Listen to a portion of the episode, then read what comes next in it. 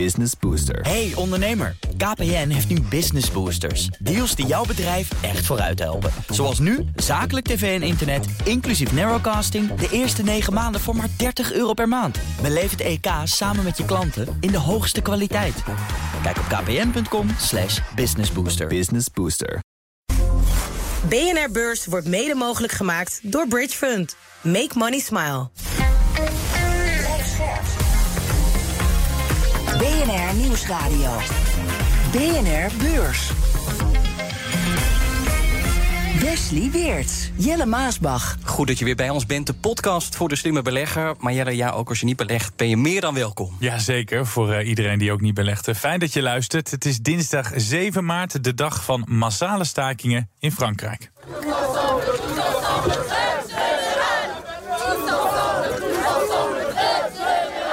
Het openbaar vervoer ligt grotendeels plat. Scholen zijn dicht. Op veel plaatsen wordt geen vuilnis opgehaald. En vrachtwagenchauffeurs staken. Olieraffinaderijen liggen de deels uit. En dat allemaal, en dat allemaal omdat ze niet willen dat de pensioenleeftijd van 62 naar 64 gaat. Waar hebben we het over? Ja, nou, de handelsdag die begon kalm. Maar de sfeer die sloeg om na een toespraak van Fed-voorzitter Jerome Powell. Want hij zei dat de rente mogelijk nog sterker en sneller omhoog gaat dan gedacht. Uiteindelijk sloot de AX 1,1% lager, iets boven de 751 punten. ASML is de grootste daler met een verlies van 2,7 procent. En onze gast vandaag is Erik Geuzenbroek van ING Investment Office. Ja, Erik, goed dat je bent. Dankjewel. Een cadeautje. Ik wil ook beginnen met een cadeautje, goed bruggetje. Althans, dat is altijd het woord hè, dat we gebruiken als aandeelhouders dividend krijgen. Nou, dat kregen we met z'n allen. De collega's van het FD, moet ik zeggen, die hebben het uitgerekend. De 75 grootste in Amsterdam genoteerde ondernemingen... die keren over 2022 in totaal 31 miljard euro aan dividend uit. Dat is een toename van 18 procent. En als je dat in euro's bekijkt, wordt bijna 5 miljard meer uitgedeeld. Maar dat klinkt veel, maar weet je ook uh, wat zo'n beetje normale stijging is? Staat hier 7 tot 8 procent, dus dat is wel uh, flink hoger. Het getuigt wel van uh, vertrouwen, Erik, als je dat zo hoort. Er ja. spelen natuurlijk wel grote dingen. Ik noem een oorlog, ik noem een inflatie, mogelijke recessie. Snap je dan dat ze toch nog zoveel geld met z'n allen uitkeren? Ik denk dat het een, een cadeautjes voor de beleggers om ze te belonen voor het geduld wat ze hebben. En uh, 18% is natuurlijk een prachtig percentage. Ja. En het geeft, het geeft ook aan dat de waardebeleggers maar vorig jaar gewoon een heel goed jaar hebben gehad. Je kan zeggen, misschien moet je wat vet op de bot houden. Maar je zegt, ja, ze moeten beloond worden. Ze hebben gewacht. Uh, ja, nou, ik denk dat er, uh, er zit een groot verschil tussen waardebeleggers en groeibeleggers. En mm. doordat de rente nu zo hard oploopt, uh, zijn er weer alternatieven voor heel veel beleggers. En ik denk dat veel beleggers, ja, de winstgevendheid van bedrijven is nog steeds heel hoog. Consumenten blijven gelukkig nog flink uitgeven. En dat vertaalt zich in uh, nou, hele sterke balansen en dividenden. Wat minder lekker loopt is bij Nissan, want dat bedrijf dat zit in zwaar weer. Worstelen met de winstgevendheid. En daar komt weer een klap bovenop. Want kredietbeoordelaar S&P verlaagt de kredietwaardigheid naar jawel, junk-status, oftewel rommelstatus. rommelstatus ja. ja. En de reden is dat S&P denkt dat het op uh, korte termijn niet gaat lukken om die winstgevendheid te verhogen. En ook de verkopen, die blijven achter. Aan de ene kant komt dat door ja, nog altijd problemen in de levering van onderdelen. Maar ja, ook op het gebied van elektrische rijden blijven ze achter. E Erik, ja, ik ken zo'n junk-status vooral van landen. En ik weet dan dat een land ja, meer moet gaan betalen voor zijn leningen. Maar wat betekent dat voor een bedrijf als die een junk-status krijgt? Dat betekent dat de bestaande obligaties uh, waarschijnlijk in koers zakken. En dat bepaalde beleggers niet meer mogen beleggen in de obligaties van Nissan. Uh, dat betekent op het moment dat Nissan zich wil herfinancieren, dus ook meer goed moeten gaan betalen voor hun nieuwe schuld. Uh -huh. Een plek waar je niet wil zitten. Je nee. liever een upgrade dan een downgrade van, van de, de, de rating agencies. Als je, als je gewoon van, van investment grade zakt naar junk, dan uh, is er wel wat aan de hand. Ja, geen goed nieuws. Jelle, heb jij wel goed nieuws meegebracht nog? Uh, nou, ik vond eigenlijk ook wel de dag van de topmannen. Twee vertrekken, één bij Jumbo. Nou, dat weten we, dat gaat daar niet lekker, want die topman die wordt uh, verdacht. Ja. De andere, die vertrekt bij Deense bierbrouwer Carlsberg. En dat was een Nederlander, Kees het Hart. Acht jaar lang was hij daar de baas, maar uh, die vindt het genoeg geweest. Heeft besloten om met pensioen te gaan. Hij wordt dit jaar 65, dus nou kan hij net wat eerder stoppen dan de meeste mensen in Rusland. ja, maar hoe deed hij het? Ja, als je heel simpel kijkt, de beurs is flink gestegen onder zijn leiding. Maar hij had één taak en dat was het bedrijf laten groeien. Niet alleen de beurskoers, maar de bierverkopen laten stijgen. Dat laatste is niet helemaal gelukt. Wat wel lukte, kosten besparen en de winstgevendheid omhoog. Ja, dat is toch langer aan het werk dan veel Fransen. Ja, daar zou ik ook wel aan te denken. Nou, Aal Hersen die neemt een drastisch besluit. Het stoot al zijn 128 Belgische Delherse supermarkten af. En die worden overgedragen aan zelfstandigen. En de reden is dat Delherse België, ja, die presteert ondermaats. De eigen winkels die verliezen al jaren marktaandeel en worden ook minder winstgevend. Ahold grijpt dus in bij onze zuiderburen, maar dreigt in Nederland hetzelfde scenario? De toon vanuit China wordt harder en agressiever. Volgens Peking heeft de relatie met de Verenigde Staten het rationele pad verlaten. En de nieuwe buitenlandse minister die gebruikt harde woorden. Saying if the US-China relationship keeps going down its path and that the US doesn't hit the brakes, then there might be conflict or confrontation. So very strong words there. Ja, daar stopt het niet. President Xi Jinping die zegt dat de westerse wereld het land heeft geblokkeerd, heeft beperkt en zelfs onderdrukt. En hij noemde Amerika ook nog specifiek bij naam in zijn toespraak. Nou, normaal, Erik, gaat het wat diplomatieker. Vooral van die Chinezen. Ja. Ik ken nog wel een oud president, Donald J. Trump. Die was iets, eh, iets meer uitgesproken. maar wat zegt het dat de Chinezen er nu zo hard in gaan? Ja, het is vooral eh, retoriek wat we nu zien en, eh, en horen. En het is natuurlijk op, het, op het wereldtoneel is het niet fijn dat de twee grootmachten allebei proberen de wereldmacht te grijpen. Maar Als het maar vooral bij retoriek blijft, dan maak ik me er wat minder zorgen over. En natuurlijk is ASML is een, dossier wat we kennen. Eh, en dat heeft nog niet heel veel impact op het bedrijf zelf. Ehm, het is natuurlijk een vergezicht waar, waar dit naartoe gaat. En dat is de, de grote onbekende. En ik weet ook niet wie dit op gaat lossen. De- de- de- Ze moeten er met z'n tweeën uitkomen, zou je zeggen. Ja, want ik zat een beetje te denken aan, aan ruzies. Dus familiediner. Daar kwam Bert van Leeuwen altijd met zijn limo. En dan moest je maar kijken of die oom of tante waar je ruzie mee had, kwam opdagen. Daar zat er niemand in. Nee, er zat er niemand in. Maar ik zit echt te denken, ja, het familiediner landeneditie. Wie, Ja. wie kan zich opwerken om die twee camphanen bij elkaar te krijgen? Ik denk dat het, als de twee grootste ruzie hebben, dat de twee grootste er zelf uit moeten komen. Ik kan me niet voorstellen dat een ander land zegt van nou, nu ga ik eens even eh, aan tafel met hun tweeën zitten en dat gaan we even regelen. Ja. Ik, denk, ik denk dat het met z'n tweeën, eh, dat ze er zelf uit moeten komen. Ja, jij zegt het is nog retoriek. eh, eh, de Chinezen zeggen als de Amerikanen niet inbinden, dan heeft dat catastrofale gevolgen.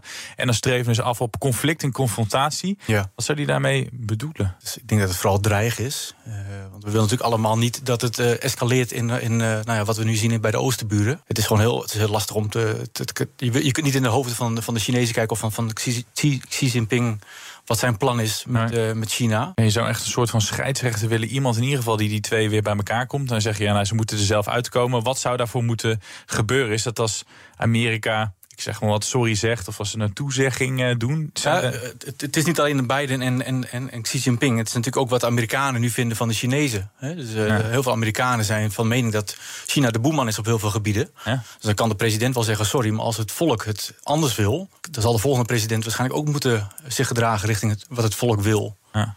Dus het is, het is nog niet zo makkelijk opgelost. Het is niet, ik denk, met een sorrytje is het. Nee, en, en Xi Jinping weten we, die blijft de komende jaren zitten. precies. Biden weten we niet zeker. We weten nog steeds niet officieel of hij het weer wil gaan proberen. Maar stel dat hij nog een termijn gaat doen. Ja. Ja, dan weten ze in ieder geval wat ze aan elkaar hebben. Maar het is natuurlijk ook wel een onzekerheid als daar in één keer weer een heel ander soort president. Ja, de- iedereen is erbij gebaat dat de wereldhandel Ja. doordraait. Ja. En op het moment dat twee hele grote blokken ruzie gaan maken, kan dat natuurlijk voor hele ver- vervelende gevolgen hebben.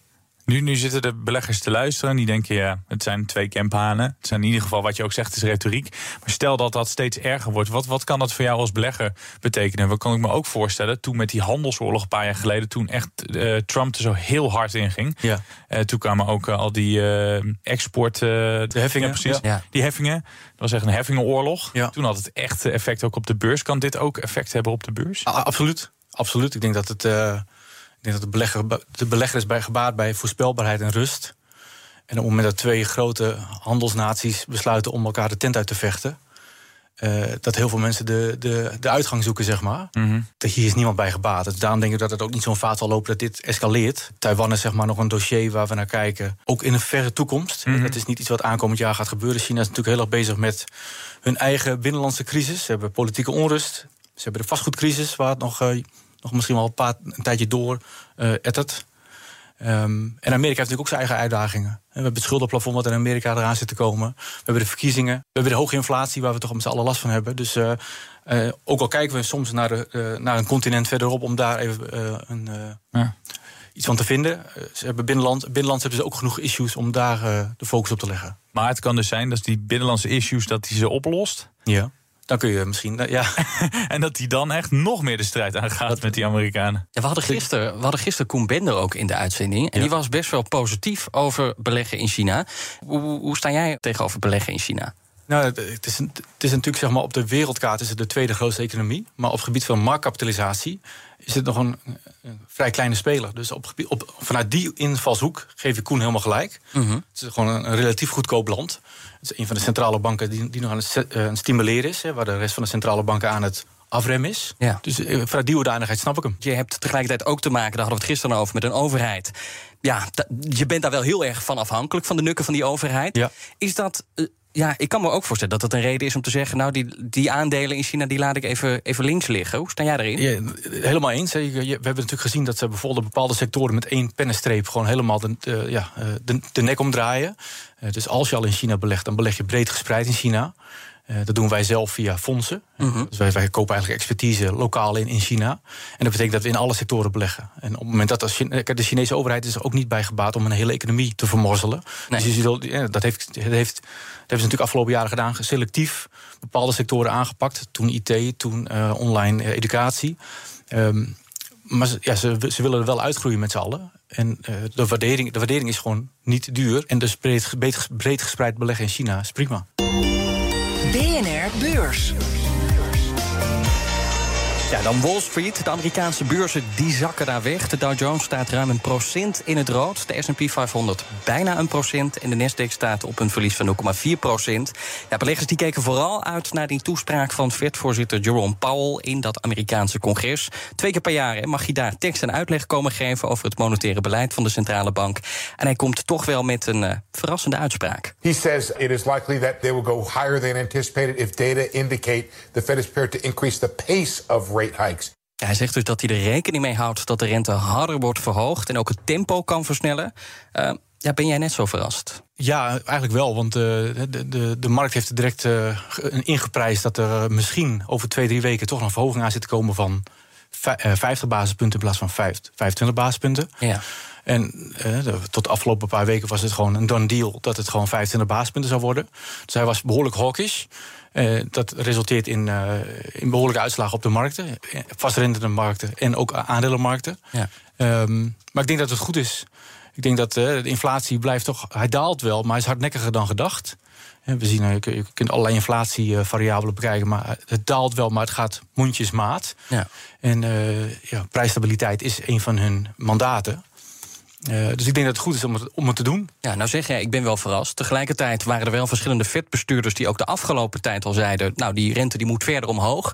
In strijd tegen die hoge inflatie. Ja. Als er al verschillende vetbestuurders waren die daarvoor pleiten, dan Ja. had de markt dit toch al aan kunnen zien komen. Ja, maar de afgelopen paar maanden is het eigenlijk eh, het credo eh, fight the Fed in plaats van eh, eh, don't fight the Fed, wat het jarenlang was. Ehm, en eh, ik denk wat, wat mij zelf persoonlijk heel erg verbaast, is dat ondanks dat die rente van in Amerika dan van eh 2 naar 4 is gegaan, of soms, soms 5, dat de Amerikaanse economie het ongelooflijk goed houdt. En eh, waarbij de renteverhogingen. Han de Jong heeft hier voor mij een tijdje geleden nog gezeten. Dat de renteverhogingen die gaan pas echt 12, 18 maanden later. Gaan die, ga je die merken in het systeem. Ja. En daar zijn we nog niet. En dat is waar ik zeg, waar ik zeg maar heel erg eh, benieuwd naar ben. Hoe dat dan over de aankomende kwartalen gaat. De Fed is natuurlijk heel vaak te laat geweest. En nu gaan ze misschien te lang door of te agressief. Dus dat is iets waar, eh, waar ik naar uitkijk. En eh, die recessie, want dat was een andere vraag die beleggers bezighoudt. Gaat die Amerikaanse economie nou richting recessie of niet? Nou, jij zei al, hij staat redelijk goed voor die economie. Ja. Maar heeft Powell daar nog iets over gezegd? Heb ik eerlijk gezegd niet, altijd, heb ik niet kunnen destilleren uit de, uit, de, uit de uitspraken die gedaan zijn. Ik wil eigenlijk even iets heel anders eh, met jullie bespreken. Het is een aandeel gaat hier echt helemaal door het dak, waar we het nooit over hebben op zenden. Weight Watchers. 48,5 procent. Eh, en ik zie Meta over jojoen gesproken, zie ik ook eh, op en neer gaan. Er staat een procent in de plus. Heeft Ga jij nog met meer, meer woordgrappen komen? Ja, ik gooi, gooi hem er toch mee in. Meta, omdat ze mensen eruit gooien. Weight Watchers, iets heel anders. Een heel klein bedrijf. Nou, richt zich natuurlijk op af- afvallen, gezonde leven. Kwam met hele slechte kwartaalcijfers. Omzet naar beneden, flink verlies. Ja, en dan dus toch die koers. 28% erbij. Maar hoe Ja. dan? Ja, ze doen een overname. En normaal zie je als iemand wordt overgenomen, als er een bot ligt, dan schieten ze omhoog. Dit is dat zij zelf een overname doen. Ja, het wel heel apart, maar beleggers zijn kennelijk echt door het dolle. Ze kopen Weekend Health, dat is actief in telegeneeskunde. Mensen met overgewicht kunnen van op afstand een arts raadplegen die dan medicatie kan voorschrijven. Nou, daar verwachten beleggers denk ik heel veel van. Maar ik wil hem toch noemen, 48,5% erbij. Is ook goed nieuws voor Oprah Winfrey, de bekende talkshow-host. Die zit in de raad van bestuur en die heeft een aandelenpakket. Was ooit een van de grotere aandeelhouders wil ik toch weer even erin gooien. Dat ja. zou ook een leuke dag hebben. Dankjewel. BNR Beurs. Dan Ahold Delhaize stoot dus 128 Belgische Delhaize supermarkten af... tot woede van het winkelpersoneel. Want onder meer in Brussel en Gent werd het werk neergelegd. In zo'n 100 winkels sloten de deuren. 128 winkels in de uitverkoop zetten, nee, dat uh, had niemand verwacht. Het probleem is groot. Hè. Andere eigenaars, nieuwe bazen, nieuwe wetten. Dat weet om te beginnen iedereen. Hè. Maar in dit geval mag je dat ook letterlijk nemen. Hè. Wat als ze worden verkocht aan kleine zelfstandigen... of zelfs middelgrote spelers... dan gaan ze terechtkomen in een ander paritair comité... met andere sectorale regels die veel minder gunstig zijn dan de huidige. Hoorde iemand eh, van de vakbond Delhaize wil dus die 128 eigen Belgische winkels verzelfstandigen. Uh, wat vind je van die stap, Erik? Vanuit de aandeelhouder gezien denk ik dat het een verstandige stap is. Dus ik heb het niet over die 9000 medewerkers die misschien nu van, van werkgever veranderen. Delhaize is een wat luxere, luxere winkel. En ik denk dat een luxe winkel in de tijden van hoge inflatie misschien het wat lastiger heeft dan een discounter of de Ahold zelf. Die natuurlijk ook bij ons wordt gezien misschien als duur, maar in België misschien niet. Ik denk dat vanuit Ahold, vanuit Ahold gewoon gezien een verstandige beslissing is. Hè. De, lokale ondernemers kunnen blijkbaar wel innoveren, zijn flexibel en kunnen marktaandeel winnen. Uh, en de eigen winkels, ja, het tegenovergestelde. Nou, Ahold heeft, dit jaar gezegd, we willen graag een miljard besparen. Dan past dit helemaal in die strategie. Maar hoe komt dat dat die eigen winkels zo dramatisch uh, draaien dan? Ik denk dat ze last hebben van uh, inflatie, dus, sorry, looninflatie. Dus ze hebben een, een, een, relatief goede CEO, dus ze betalen hun, me, hun, mensen goed. Ja, want die CEO is anders tussen de winkels die ze zelf in beheer Dan hebben. de zelfstandige ja. uh, ondernemer. Uh, dat is één. En ehm, de zelfstandige ondernemer kan veel flexibeler, schakelen, kan veel flexibeler schakelen. Uh, en kan misschien ook veel meer innoveren. Uh, dat is iets wat ik gewoon, dat is de aanname die ik doe. Maar het grote concern lukt het blijkbaar niet. En uh, ja, afgelopen jaren hebben ze het al gewoon zien af, uh, afglijden. Nou ja, Delhaize heeft zoiets zelf ook gezegd. Van ja, kijken we naar de, de, de, de supermarkten uh, van zelfstandigen, over flexibiliteit gesproken, dan zit, daar, bijvoorbeeld, zit daar bijvoorbeeld iemand achter de kassa. En die kan daar ook worden ingezet ja. om bijvoorbeeld de vakken te vullen. En dat is ja, bij de winkels die eigendom zijn van Delhaize veel minder snel het geval. Dus daar zit die flexibiliteit dan ja. inderdaad in. Um, tegelijkertijd denk ik dan ja, waarom lukt het Delhaize niet gewoon om het tijd te keren en die winstgevendheid van die eigen winkels te verbeteren? Want daar werken ze al jaren aan, maar kennelijk lukt dat niet. Hoe, hoe, hoe komt dat? Goeie vraag. Ik heb daar eerlijk gezegd niet uh, 1, 2, 3 een antwoord op. Uh, nee. Het is gewoon uh, onkunde misschien. Ja. ja, of dus omdat ze aan allerlei extra regels ja, de, de, winstgevendheid die snap ik, maar waarom je het marktaandeel niet kan, uh, vergroten. niet kan vergroten, terwijl de buurman het wel kan. Ja, dat is gewoon ja, onkunde zou wel een hele makkelijke conclusie zijn. Maar ja, maar ja, die buurman is dan ook Albertijn opeens. Ja. Daar zit je ook mee te concurreren. Maar je kunt wel je eigen producten meer verkopen. Hè. Dus als je marktaandeel wint, dan ergens, ergens gaat het wel onder de onderkant van de gaat meewerken. Ja. In de positieve zin. En, en die, die beslissing die nu genomen wordt, is dit echt een Belgische beslissing of wordt dit gedicteerd vanuit Nederland? Want je had het net al over die miljard die bespaard moet worden. Ja, ja dan denk ik 1 en 1 is 2. Ja. Uh, dat heeft de Aal Delhaize gewoon even gezegd. Het concern, is, het concern zegt toch heel duidelijk, heel duidelijk nee, dit is echt iets van het Delhaize vanuit België zelf uh, uh, besloten. Dus ja. Maar ja, geloof je dat? Want dat Belgische deel is toch al jaren een blok aan het been. Uh, uh, daar blijf ik even ver van, van die uh, aanname. Dat weet ik echt niet. Nee. En die besparing, want dit is een stap die waarschijnlijk wel geld bespaart... maar draagt het ook substantieel bij aan dat doel miljard euro besparen dit jaar? Ik, ik denk dat het, het helpt, maar het is zeker niet genoeg. je weet niet welke, welke prijsafspraken worden gemaakt... met hoeveel ondernemers en het helpt, maar het is zeker niet voldoende om, om het miljard te halen. Daarvoor moet er nog meer gebeuren. En nou hebben we in Nederland natuurlijk ook een situatie bij Albertijn, waarbij een deel in handen is van het moederconcern en het deel wordt gerund door die zelfstandigen. Ja. Hoe groot is de kans dat Aaltelhers ook in Nederland eigen supermarkten afstoot naar zelfstandige ondernemers? Uh, ik denk dat het altijd, um, altijd mee, mee wordt gewogen bij de beslissingen die het management neemt. Uit mijn hoofd heeft uh, Ahold Delhaize 80% eigen winkels en 20% franchise ja. over de wereld verdeeld. En is natuurlijk een grote Amerikaanse speler en ook uh, in, in West-Europa. Uh, ik denk dat het management zal altijd kijken naar wat is het juiste besluit op het juiste moment. Weet jij of die winkels in Nederland wel goed draaien? Die van, van Albertijn zelf zijn, van Ahold? Geen idee. En al die winkels die zijn dus uh, west naar uh, zelfstandigen gegaan. Of die gaan naar zelfstandigen. Ja, die gaan naar zelfstandigen toe. Dat lijkt me ook nog het, uh, het ding van vind je de juiste de koper. Maar er ja. zijn dus wel gewoon kopers. En wat jij zegt, die zelfstandige ondernemers die kunnen dus wel wat, wat moois van maken. Ja, die, ja die, die, en die zijn misschien wat, uh, hoe zeg je dat? Die zijn misschien minder goed voor het personeel. Uh, nog, wel, nog, wel, nog wel steeds goed, maar minder, minder uh, genereus dan Ahold Delhaize was. En dat vertelt dan natuurlijk een hogere, hogere winstgevendheid. En daardoor zijn die mensen, die 9000 mensen natuurlijk, staan op hun achterste benen en gaan allemaal staken. Want ja. Ja, maar Ahold heeft ook gezegd, nou ja, de voorwaarden waar je nu voor werkt, je loon, je arbeidsvoorwaarden, die blijven. Ja, dat, ja. Ja. op hoe lang? Ja. Dat is wel de vraag. Dat is, de vraag. dat is wel de vraag. Ja. Op een gegeven moment moet ook weer onderhandeld worden. Ja, het lijkt me ook wel moeilijk natuurlijk. Want op een gegeven moment zijn ook die kopers wel op. Want die, die supermarktreuzen worden steeds groter. Ik heb het gevoel dat er alleen maar een Albert Heijn en een Jumbo is. En, en dat is het. En dan heb ik het over ons eigen land. Ik weet niet precies hoe de Belgische markt eruit ziet. En ook daar groeit het aantal supermarkten. En dus ook die concurrentie die groeit daar. Waardoor bijvoorbeeld die marges ook onder druk staan. En als je dan al een wat duurdere supermarkt runt. Uh, ja, dan is het al helemaal lastig. Hè, zoals je aan het begin ook aangaf. Als je dan te maken hebt met hoge inflatie ja, ja. dan uh, zoeken die kopers toch even, die, die gaan een deurtje verder uh, kijken uh, naar die goedkopere supermarkt. Ik begreep dat Ahold zeg maar, een hele goede verhouding heeft tussen eigen merken en de A-merken, zeg maar. Mm -hmm. en daar, daar, profiteren ze nu van. En Delhaize, vanwege hun luxe imago, veel meer A-merken. dus moet je dus harder, harder in onderhandelingen met je leveranciers.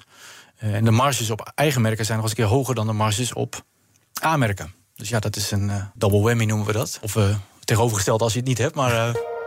Ja, dan gaan we kijken wat er morgen op de agenda staat. Een hele korte vooruitblik dit keer. Voor de fijnproevers staan er wat jaarverslagen op het programma... van bijvoorbeeld Wolters Kluwer en ABN AMRO. Uit de Verenigde Staten komen nog wel wat economische cijfers... die van belang kunnen zijn voor beleggers. Zoals bijvoorbeeld de loonkosten.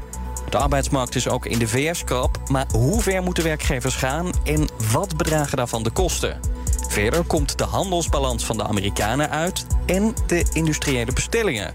Draait de Amerikaanse industrie nog op volle toeren of koelt de boel af? Je had het net over de Amerikaanse beurzenwest. Als ik nu even kijk, dan valt het verlies iets meer mee. Nee, hij, hij knipt het weer terug. ik, heb, ik heb ze met een dode mis heb ze blij gemaakt. Nog steeds een verlies. Misschien mogen weten. Dit was hem. Dan ga ik beter de, de koersen proberen te lezen. Dank Erik Geusbroek van IRG Investment. Het is goed dat er was. En uh, ja, we sluiten elke aflevering af met een tip. Principe is bekend. Die komt telkens uit het Tegeltjeswijsheden boekje van Corné van Zijl. En die van vandaag heeft te maken met het kopen van aandelen. Want wanneer is nu het ideale moment? Timing is alles, maar ook niets als je blijft wachten op het juiste moment. Tot morgen. Tot morgen. BNR Beurs wordt mede mogelijk gemaakt door Bridge Fund. Make money smile. Hardlopen, dat is goed voor je. En Nationale Nederlanden helpt je daar graag bij. Bijvoorbeeld met onze digitale NN Running Coach... die antwoord geeft op al je hardloopvragen. Dus, kom ook in beweging.